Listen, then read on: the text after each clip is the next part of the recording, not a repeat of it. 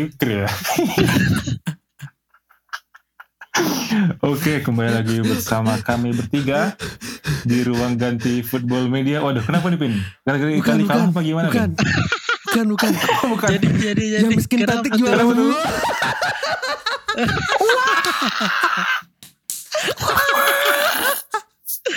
Aduh.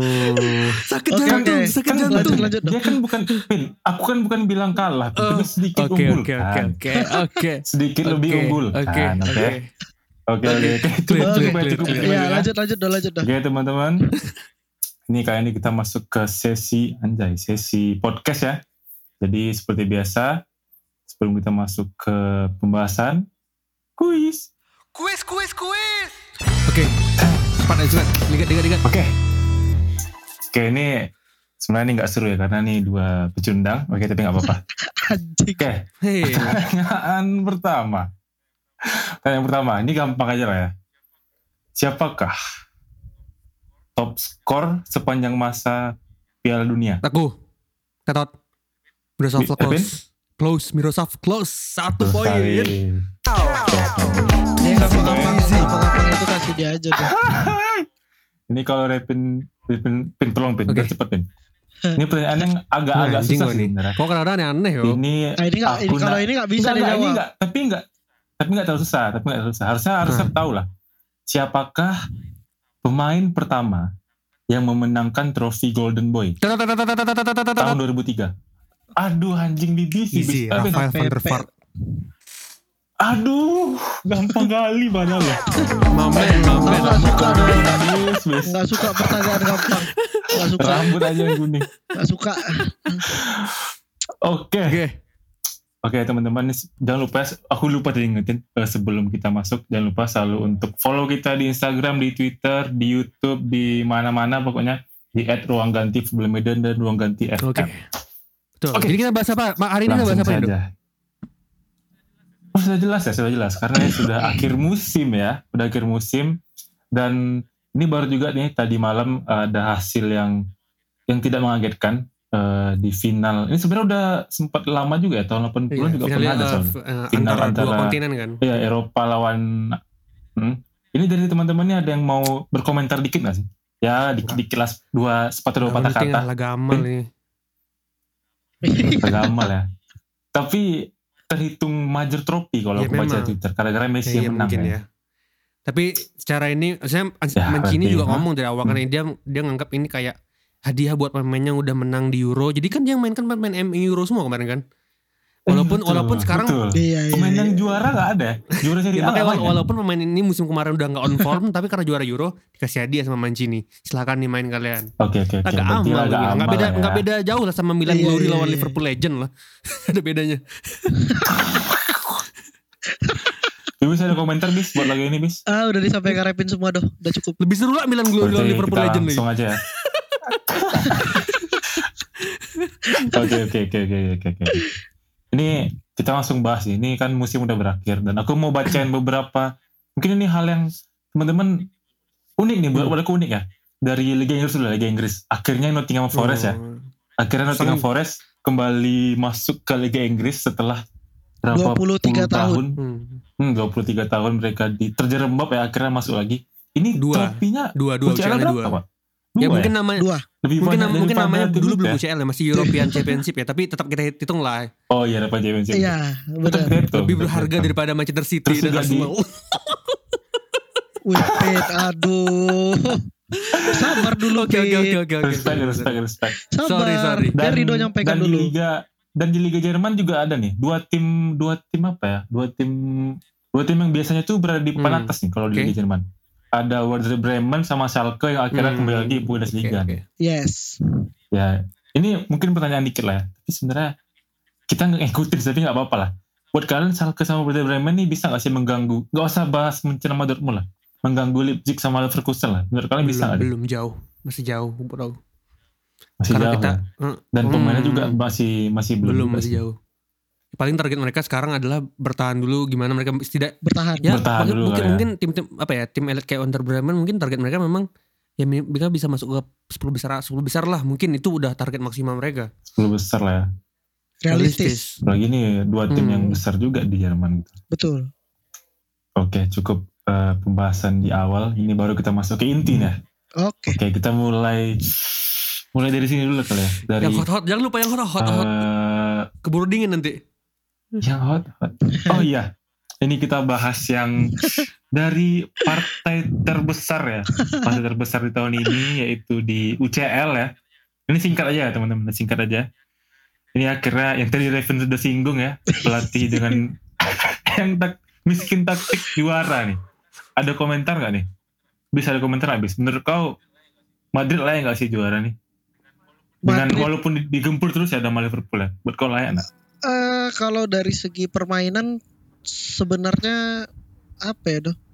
Kelihatan Madrid itu kan hampir selama 80 menit itu kan eh sorry 70 menit itu kan dikurung sama Liverpool sebenarnya dengan high pressing dan segala macam. Tapi lagi dan lagi mental dan kehebatan dari Courtois itu memang nggak ada lawan lah kemarin dan juga dia jadi eh Musim dia jadi ya, dia jadi MVP ya. bintang, dia jadi MVP banget kemarin. Mungkin kalau bukan Courtois Hmm. kipernya ini laga akan jadi milik Liverpool. Tapi balik lagi kalau dibilang layak nggak layak ya Madrid sangat layak lah doh. Prediksi Oke, kita layak salah doh. Gak apa-apa. kan kita kan bilang sedikit Oh iya kita kan, iya iya iya iya iya. Bukan bilang kan. Iya, betul, sedikit betul, betul. kan gitu. Tambah lah. lagi info info yang kita dapat salah doh. Tiago ternyata Iya, main. dapat tuh. Ah, Itu. itulah. Nah ini yang sedikit Ini Madrid mungkin- nih doh harus kita dengar. Ya, coba Aku gimana, gak Gun? panjang-panjang karena, karena ini bukan gimana, Ben? ya, bukan segmen bahas, tapi buat aku yang jelas Ancelotti bermain cerdas. Dia nggak dia nggak bermain dia nggak bermain progresif, dia nggak bermain aktif, tapi dia bermain reaktif karena dia tahu kelemahan kelemahan Reaktif, dari ya. Liverpool adalah mereka tidak punya pemain yang bisa kill the game selalu. Betul betul aku bilang kemarin kan, Yes. syaratnya adalah. Real Madrid Mereka jangan kebobolan, bener kan? Real Madrid jangan kebobolan lah 70 menit bilang. Real Madrid menang, terbukti kan? Jadi buat aku tuh kuncinya. Hmm. Sisanya Madrid bisa mikir sendiri. Oke, oke. Jumawa sekali itu berarti ya. Iya. Tapi ya layak layak juara lah. Tapi Layak. aduh makin jauh ya Madrid ya dengan 14 gelar.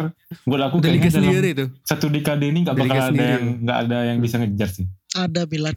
Ada yang bisa ngejar sih. Oke, next do. Oke next ya. Lanjut. Mungkin dari UE, UEL sama Gak UCL usah. kayaknya kurang seru ya. Mungkin aku bacain aja, nggak. bacain aja. Ya UEL yang menang adalah Frankfurt dari Jerman dan di apa UCL akhirnya ya tim Italia ada yang menang lagi setelah Inter terakhir. Dan yang buat yang masih bilang Liga Inggris Liga terbaik masih mau bilang kayak gitu. Enggak kayak. UCL Spanyol, UEL Jerman, nah, Benar. UCL Italia bos. Inggris mana? Oke. Oke lanjut Ini dong. kita lanjut ke pembahasan dari recap dari liga-liga ya. ini aku baca ya mungkin sekedar merefresh ingatan yang nonton aja bukan kalian berdua. Kalian kan Hmm. pasti tahu lah ini. Oke. Liga Inggris yang juara City, terus Liga Italia Milan, Liga Prancis Monaco, PSG, Kira Marcel. Lyon itu. eh, Marcel masih iya. UCL loh.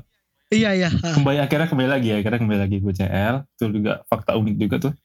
Terus di Liga Jerman ada Bayern dan di Liga Spanyol Madrid. Hmm, Oke.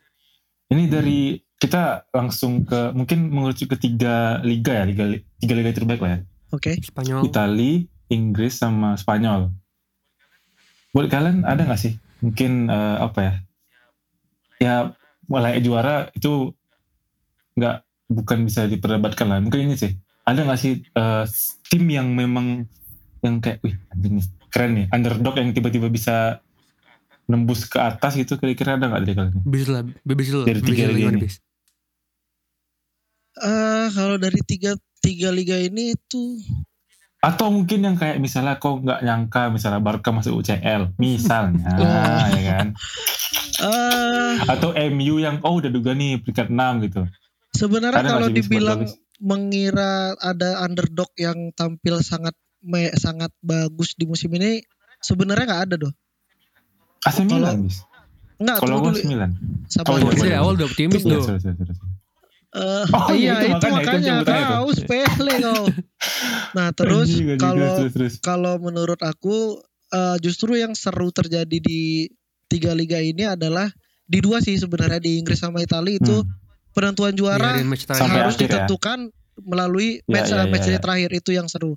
Tapi kalau untuk tim underdog sih enggak eh Dia ber- berbarengan Nggak tahu berbarengan. Bisa Berbarengan mungkin ya. gitu. oh iya sih ya, ya. Ah, barengan gitu Kayaknya ya mungkin. Baru Ah. pertama kali ya. Nah, tapi kalau untuk ada tim underdog yang tampil sangat bagus di musim ini eh nggak ada sih. Kalau menurut aku ya, nggak tahu Revin. sama musim Hmm. lalu kali ya. Gimana Pin? Nggak harus underdog lah, mungkin Kalau yang secara mengejutkan spesifik lah ya. eh, underdog mungkin nggak ada ya karena semua kira-kira sesuai ekspektasi lah.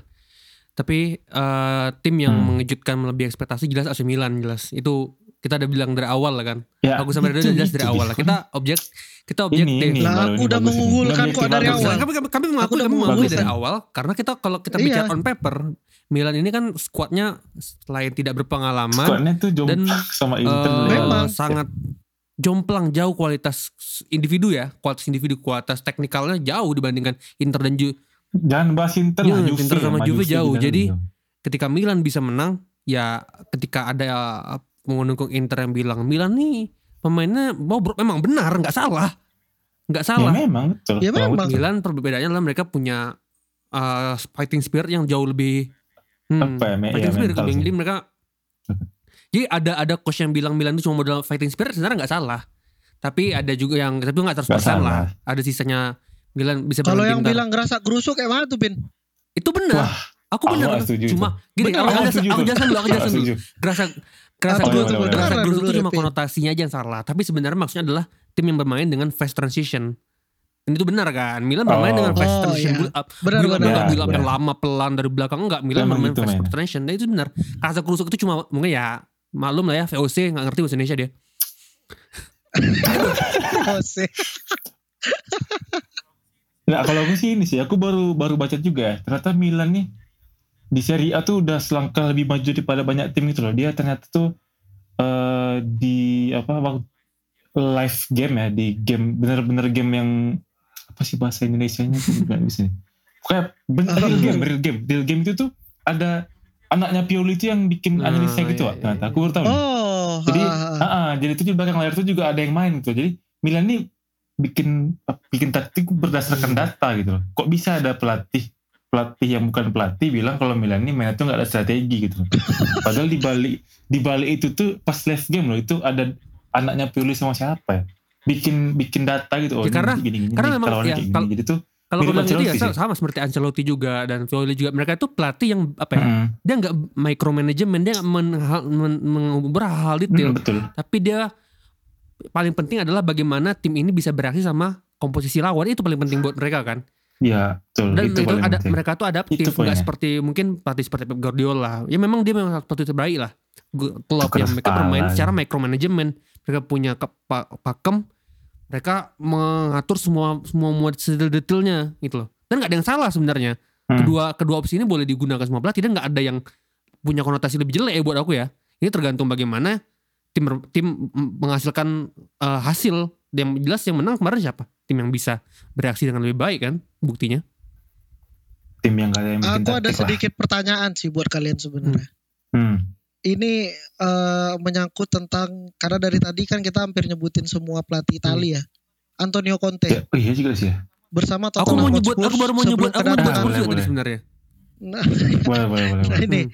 sebelum Menarik, kedatangan Antonio Conte itu Tottenham ada di peringkat 9 yang di mana gap dari peringkat 9 ke peringkat 4 juga lumayan jauh hampir 20 Jauh. saat, poin. saat masih Hampir dilatih 20 Chef poin. Puji ya Iya, masih dilatih oleh Chef Puji. Nah, tapi dengan Padahal kedatangan Conte, dia. iya, tapi cuma berapa laga doh. Tapi dengan maksudnya, kedatangan wih. Conte mereka akhirnya bisa menembus ke empat Hmm. besar. Faktor apa yang membuat Tottenham bisa menembus ke empat besar dan siapa yang menjadi bintangnya di musim ini, Pin? kalau kalau kalau buat aku ya sebenarnya tuh pembelian Conte memboyong pemain mungkin pemain sebenarnya di Serie A nggak terlalu bintang ya tapi tepat Kulusevski Sampah cuk, sampah itu sama sebenarnya. Oh, siapa pemain Uruguay ini Bentancur. Pirlo-nya Uruguay Bentancur. Bentancur Bentakur. Rodrigo Bentancur. Serie A nggak bintang tapi Itu kan gak kepake tapi di Juve tepat itu. efektif di bermain di di Spurs terus gue bilang itu jadi salah satu Yes, turning pointnya betul. karena kita tahu Conte bermain ya bertahan konservatif di belakang tapi fast transition juga counter yang cepat counter yang pasti dan dan itu pemain ini bisa melayani itulah bagaimana dia bertahan lebih rapih setidaknya ya kita pernah bahas kan Conte pasti membutuhkan pemain yang bisa bertahan lebih rapi dan setidak setidaknya pemain yang seri, Hmm. dibawa dari Serie A ini paham bagaimana Conte ingin bermain buktinya tenang saja empat besar loh yang siapa sangka di pertengahan musim Spurs bisa empat besar Iya sih, benar-benar. Aku mikir Arsenal Hmm. malah. Banyak orang mikir Arsenal. Kan. Gimana salah sendiri sih Iya. Kalau aku mungkin Lanjut. kalau MU saya, MU ah, Arsenal. udah udah skip aja dulu nanti. Kalau aku mungkin udah dibahas Repina, tapi aku mau ngambil Hmm. sisi yang lain sih. Aku lebih ngelihat di awal kan ini ya awal musim ini kan si Ken sempat dikabarkan mau Hmm. hengkang lah ya. Akhirnya dia beberapa laga nggak Hmm. main kan. Ya, Buat aku itu sih yang sangat ngaruh.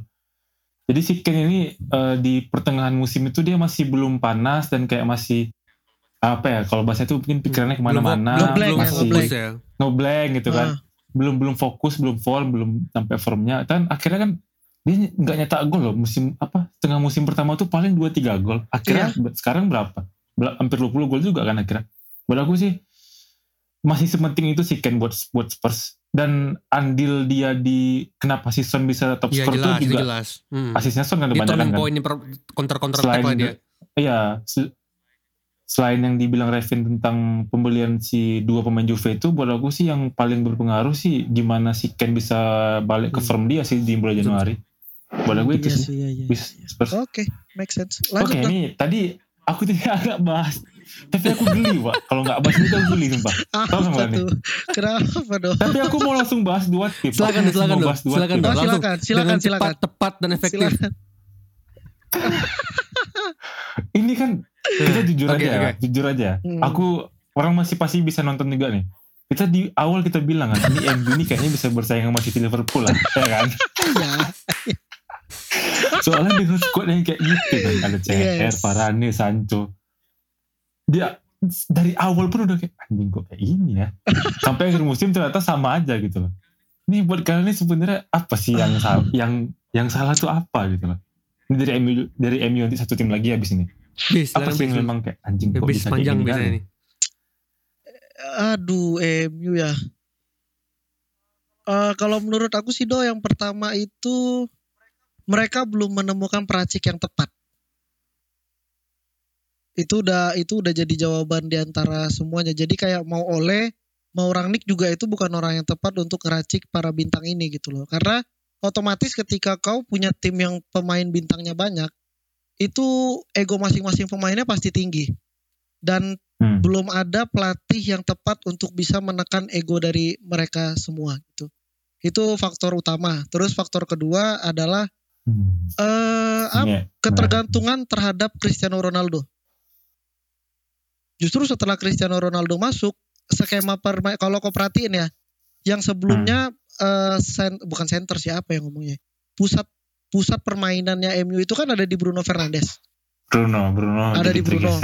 Nah tapi Hmm. sekarang sejak ada Ronaldo, pokoknya apa ya mungkin yang dikasih tahu sama pelatihnya pun ke seluruh pemain MU itu asal umpan ke Ronaldo aja Hmm. udah. kok Gitu.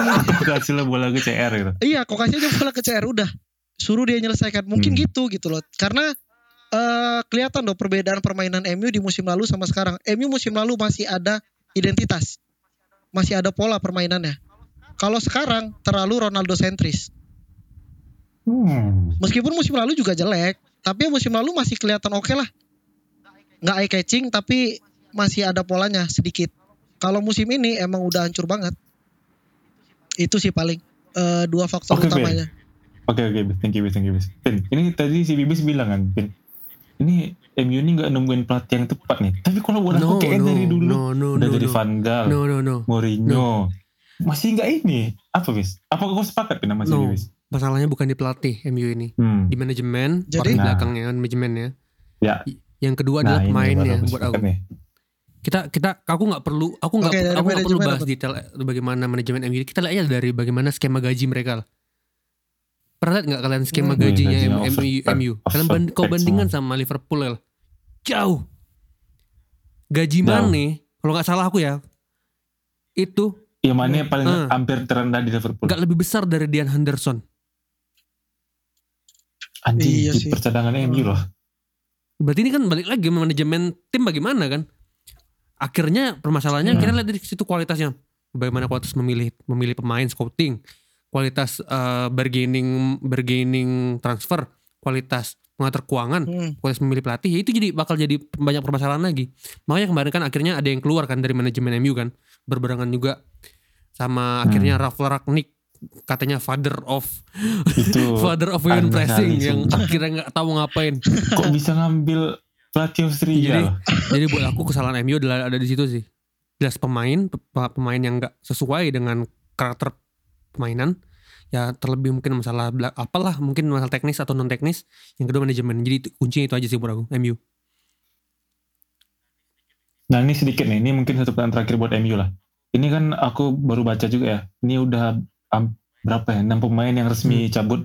Ada Mata, Pogba. ada Cavani, ada Pogba, Lingard. Lingard, Lingard, salah. Iya intinya Udah, udah, Lingard. pemain pemain-pemain yang sebenarnya tuh mau kalau secara skill sih buat aku bagus ya. Menurut kalian ini ada nggak sih kayak pemain lain yang ini tuh benalu di tim loh. Selain Pog, aku sorry ya bilang Pogba tuh benalu buat aku. Dan menurut kalian yang lain ada nggak sih Iya. dari MU misalnya kayak CR harus cabut atau siapa gitu yang supaya cocok sama Ten Hag ya? Menurut kalian ada nggak sih Siapa bis? Ada. yang yang yang jadi worst anjing lah worst kali di MU gitu? Harry Maguire. No, Wow. no. Itu yang pertama. Wow. Terus yang kedua menurut aku yang eh, kurang cocok dengan skema permainan MU di era Ten Hag besok itu Wan Bisaka. Jelas itu mau udah dibalikin dia kan mau dibuang mau Hmm, dibuang lagi dia. Ifsu. Itu udah udah dua pem- dua dua pemain itu aja udah. Siapa yang mau beli ya? Gak tahu ya kalau menurut Kevin gimana. Setuju saya. Setuju, Vin? Mungkin nggak tepat bilang benalu kalau Wan bisa kayak. Maguire. Tapi jelas memang kemampuan teknisnya tidak memenuhi tidak memenuhi Kemampuannya masih standar. Di bawah memenuhi rata-rata. standar lah. Iya benar. Mm-mm. Itu sih. Padahal di musim pertama dia bagus lah kalau aku bilang sih. Lebih bagus. Nah, itu nggak bagus, yang itu standar doh. Ya maksudnya ya yes ya Hmm. standar kali ya. Standar nggak apa nggak apa. Mungkin sekian ya MU daripada kita ngasih makan MU terus ini ke tim yang ke tim yang kita di pertengahan musim bakal mikir ini tim bakal meraih masuk UCL lah. Walaupun di akhir apa di pekan ke-7 pun mereka masih punya kesempatan sih. Arsenal nih. ini jangan ketawa biasa ini bagus tim ini. Kalau yang tadi boleh Iya. ketawa nggak apa-apa. Oke oke oke. Pin ada komen nggak Pin tentang Arsenal Pin? Padahal di tengah musim kemarin sempat ngegas loh. Tapi kenapa di akhir musim malah kayak gini ya Pin? Aku bingung Arsenal. Mereka tuh bisa beberapa momen mereka bisa menentukan eh, nasib mereka sendiri. nah kan. itu makanya. Kayak kemarin mereka bisa menentukan nasib mereka. Tapi kau lihat cara mereka bermain gitu. Reaksi mereka terhadap terhadap lawan. Kenapa ya? Jadi buat aku Art, aduh Arteta ini nunggu apa lagi ya? Mungkin mungkin dia nggak memang nggak sejelek di awal musim ya. Ketika dia tiga game kalah berturut-turut, nggak kalah itu lah mungkin memang. Tapi Brentford Eh, mau, mau, 2-0. mau, mau sampai kapan ngelihat Arsenal yang nggak stabil ini? Karena aku cukup senang ketika melihat di te- pertengahan musim mereka sempat stabil kan yang pernah bilang kan mereka hanya Bagus tinggal iya. membuktikan mereka Makanya tinggal membuktikan kan. aja nih lawan big team bisa menang nggak? Justru balik lagi ke form yang tidak stabil lawan Ternyata. tim-tim kecil kalah gitu gitu. Jadi ya mau apa dikata kan ya mereka mereka aja apa ya, game-game yang mereka harusnya on paper bisa menang aja nggak bisa menang ya sudah lah nasib mereka yang mereka tentukan sendiri ya ada di ping- ada di WL Tapi salahnya ada di Nah, mana nah. sebenarnya Pin kalau kau lihat Pin?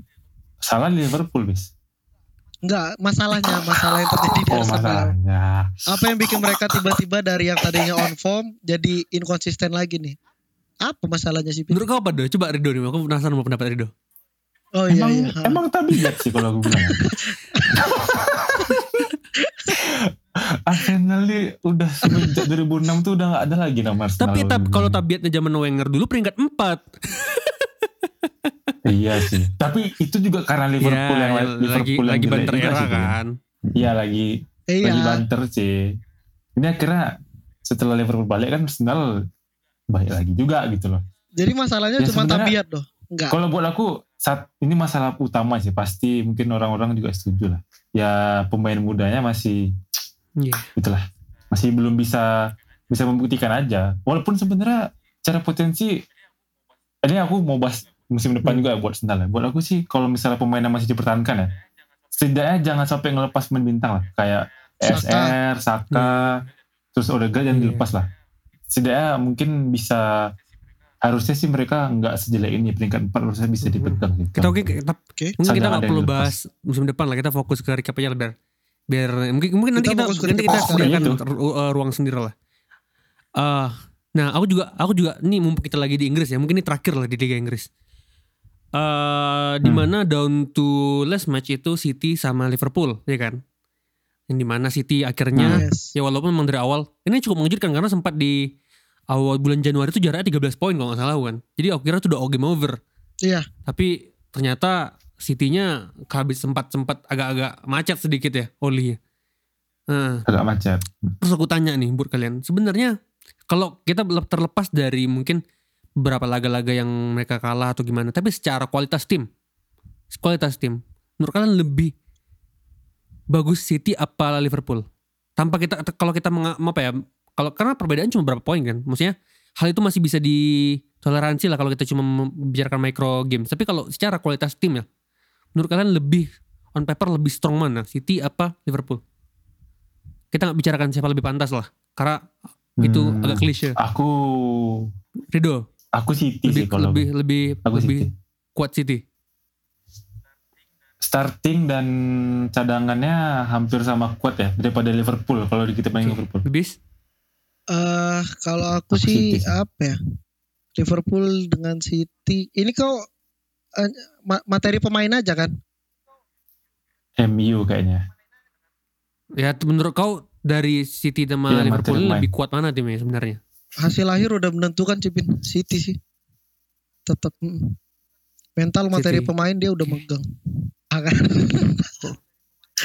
ah, Tengah musim. juga setuju sih City. Adalah City ya berarti setuju semua kita.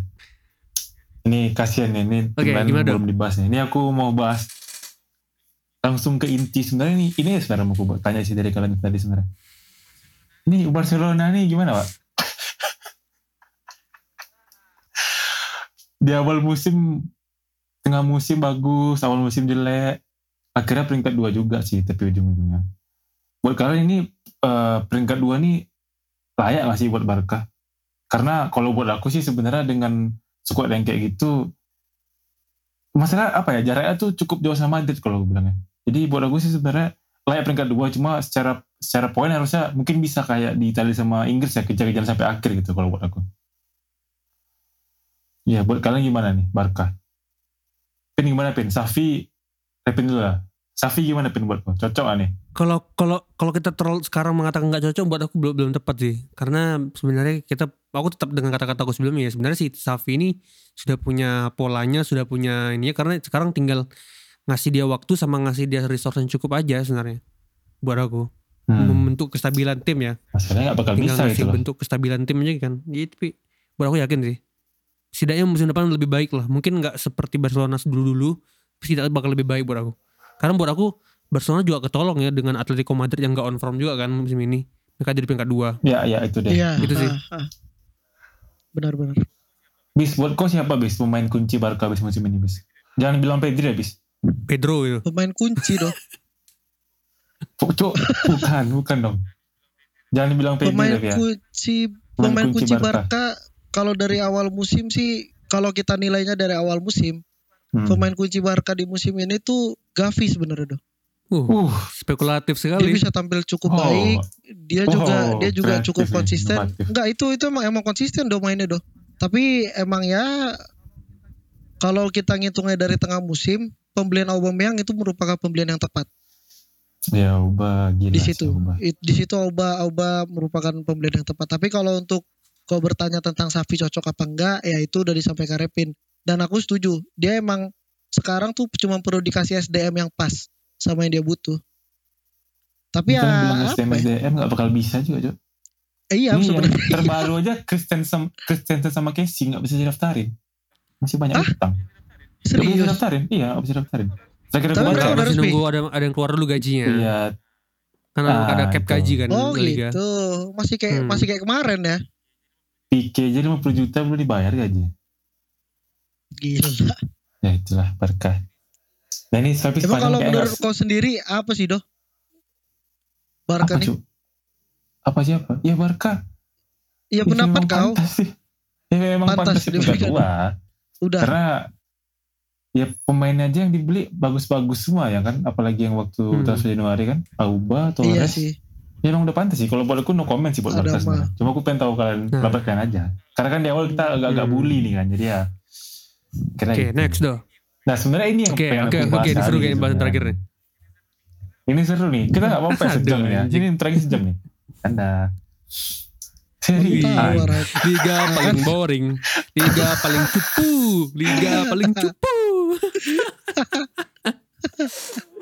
Kau waktu awal musim bilang Milan juara tuh kau gara-gara face Milan apa kayak mana sih? Apa kau cenayang bis? Enggak itu iman tuh doh. Enggak kalau kalau aku enggak tunggu dulu doh sebelum sebelum ke sana kan. Nah, Aku aku mau ngomentarin perkataanku di awal musim nih doh. apa tuh? Juve tetaplah Juve. Tapi nyatanya Juve bukanlah Juve sekarang doh. Itu yang salah ya. Itu yang salah ya. Itu salah. Kau berkata- Itu salah.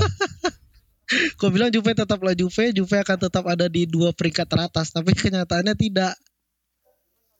Nah, cuma kalau kau nyebutin Milan ya, Milan Hmm. kenapa bisa ada di atas kalau dari awal musim karena yang pertama ya jujur karena aku fansnya Milan. Itu aku jujur tuh. Terus yang kedua, aku melihat ya di musim ini Milan itu kenapa kenapa punya peluang besar karena para pesaingnya itu juga lagi Ya sakit. tuh. betul. Enggak salah sih. Contohnya kayak itu itu yang bikin Milan Inter jadi juara. supermarket, ya kan? Inter Inter. jadi jual jual beli barang Iya. bekas. Itu terjadi. Iya. Terus ada lagi Juve yang bukan lagi Juve ya do ya. Terus juga Atalanta yang tidak melakukan apa-apa dari awal musim. Wah anjing kata Atalanta. itu Atalanta tuh harus ada Paling mengecewakan. Iya, tapi Delapan, Atalanta delapan. Delapan, Atalanta agak 8 Demang, 8. Nah, apa? mereka nggak melakukan apa-apa balik dari awal lagi. musim. Fiorentina masuk kan. Akhirnya ya, tidak masuk ya. Fiorentina masuk, benar. Tinggal Nah, ganti terus Napoli juga- aja. Ya apa ya? Nggak ada ini sih doh. Sebenarnya karena kebantu karena pesaingnya mereka Dan- lagi Dan itu benar, dan itu benar sakit sih memang. aja. Ada ada Oke. benarnya sih. Dari sisi kau gimana Pens? Di Bibis ini kayak cuma menginiin kayak ini apa timnya nanti lagi pada Hmm. sakit gitu. Buat kau Pin? Buat aku ya ya pertama Bibis benar. Yang kedua adalah Milan ini eh agak memi apa ya? Agak menggunakan skema yang sama seperti Inter juara musim lalu ya. Mereka di kenok di UCL jadi badut, Hah? peringkat paling empat.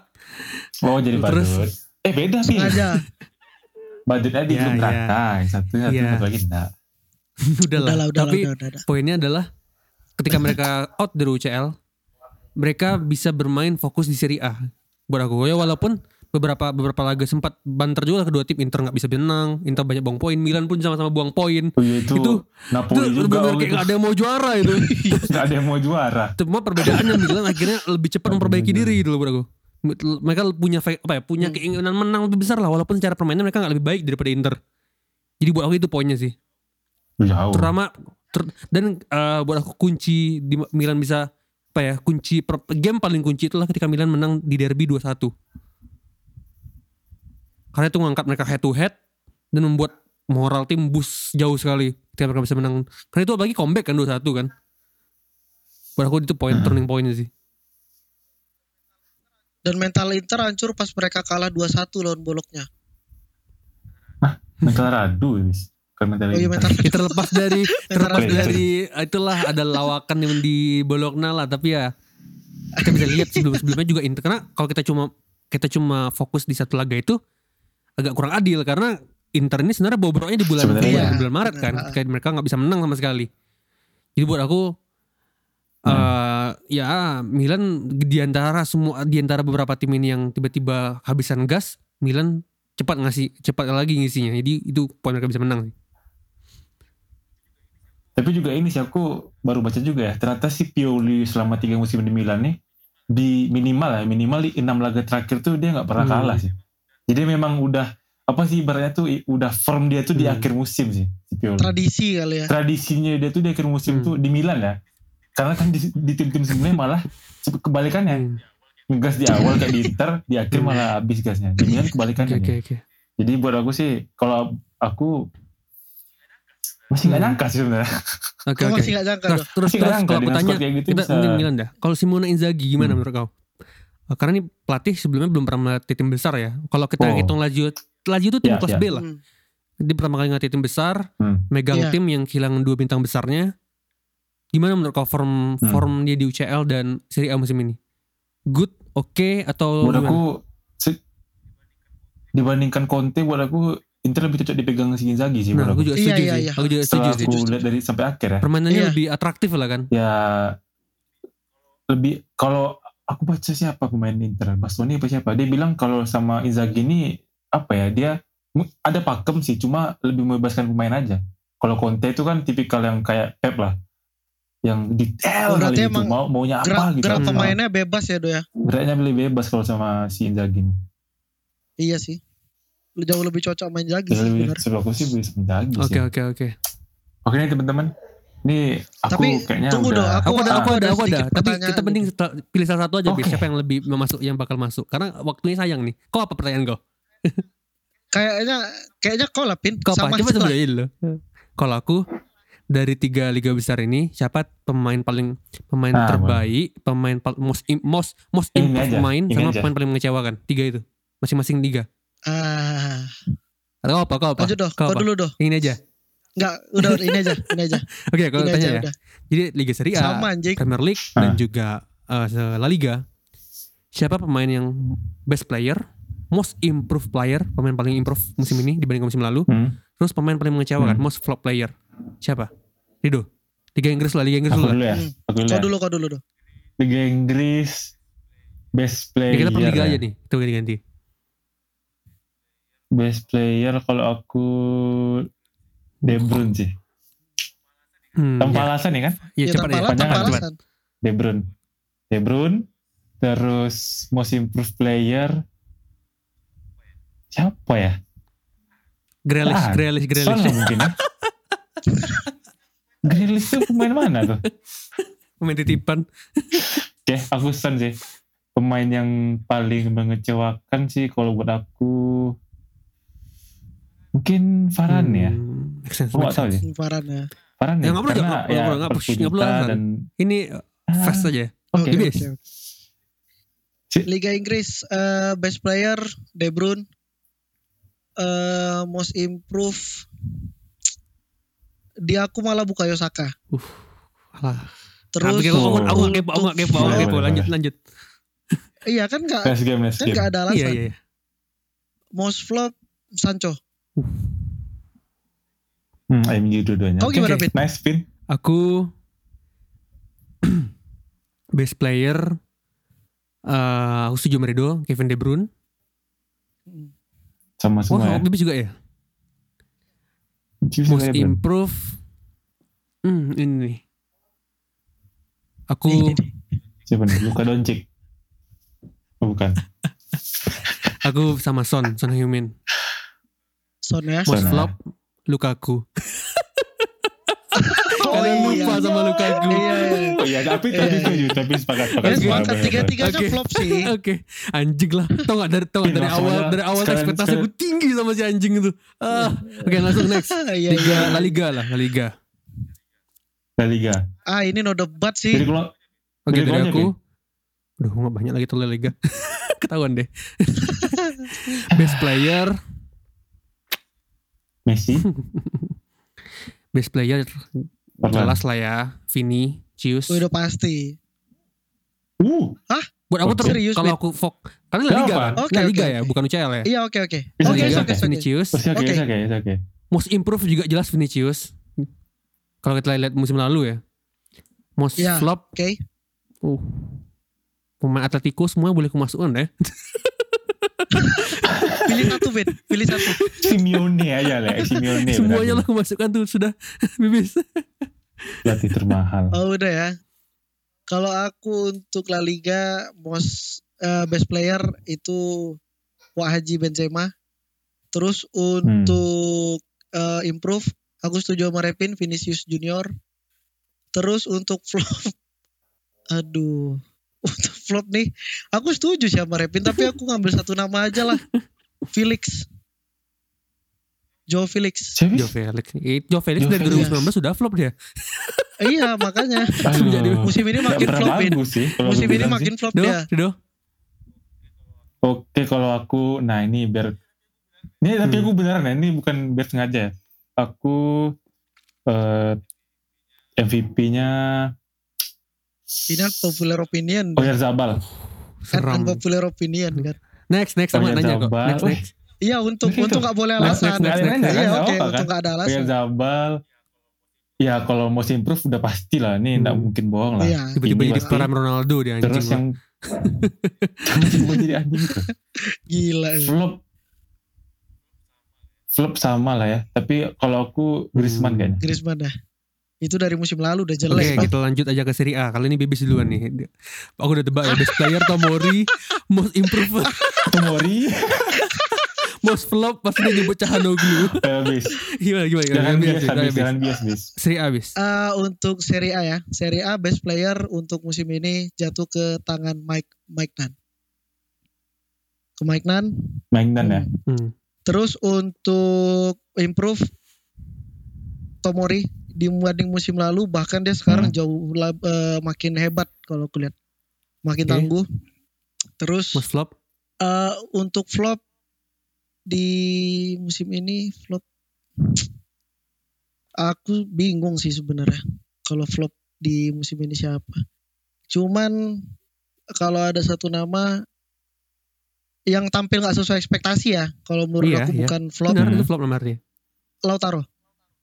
Wow aneh kau ya Itu padahal dia enggak. nyaman Lautaro Enggak, makanya serius, ini serius. paling bagus loh. Enggak, aku justru ngeliatnya apa-apa, dia. gak apa-apa, apa, gak apa-apa. apa, apa. Oke. Apa yang dihisap Rido. kita gak tahu kan Aku dulu, aku dulu Rido terakhir gantian Oh boleh boleh. Oh, boleh, boleh, boleh. Nah, aku nih jelas nih best player Mike McNown jelas karena paling stabil dari Hmm. semua pemain-pemain lain di Milan. Most improve ini baru kasih jatahnya Rafael Leao dibandingkan musim-musim lalu Iya. jauh lebih benar. jauh lebih dewasa. Dan terakhir most flop buat aku ada di Manuel Locatelli. Iya, make sense. Oke. Rido, Ini dia pasti nyebut Aku Tonali satu. MVP. Iya, itu. MVP-nya sama udah pasti. Nah, tapi aku mau simpen Tonali. oke that's fine, gak apa-apa. Flop adalah yang tidak bukan adalah Paulo Dybala. Uh, eh, dari berapa tahun, berapa tahun Iya, Masih sih. make sense. Oke. Iya juga sih. Oke, oke. Nah, Rido. Sekian ya. Oke. Oke nih kalau secara overall sih memang musim ini adalah salah satu musim ya aku aku pribadi ya secara pribadi ini salah satu musim terbaik yang pernah aku tonton sih dari UCL-nya Hmm. dari semua liganya emang sampai akhir kan jadi buat aku ini musim yang sangat entertaining apalagi setelah covid juga kan anjay kayak pidato tapi buat aku sih ya harapannya semoga musim depan lebih seru ya. Jangan sampai ini tim-tim yang juara yang ibaratnya ini kayak Milan gitu kan yang baru-baru juara sekali-sekali ini aja jangan sampai jangan sampai banyak lagi lah ke Juve Oh, gitu jadi buat aku sih Semua semua juara akan semua bisa. juara liga besar awal dimenangi oleh kota M kecuali Paris. M Dia. dari Paris Oke, sekian dari kita bertiga. Nah, abis ini kita akan bahas lagi. Tadi kan Devin bilang nih, nanti ada sesi khusus buat bahas gimana eh, kita akan melihat musim depan gitu. Nanti kita akan bahas. Masih lama lah, masih banyak nanti. Oke, Dan subscribe sekian dan juga follow sosial media kita dengan nama Ruang Ganti Mobile Media. Kembali ke Rido. Oke. Oke, sekian dari kita bertiga. Sampai jumpa di next episode. Ciao.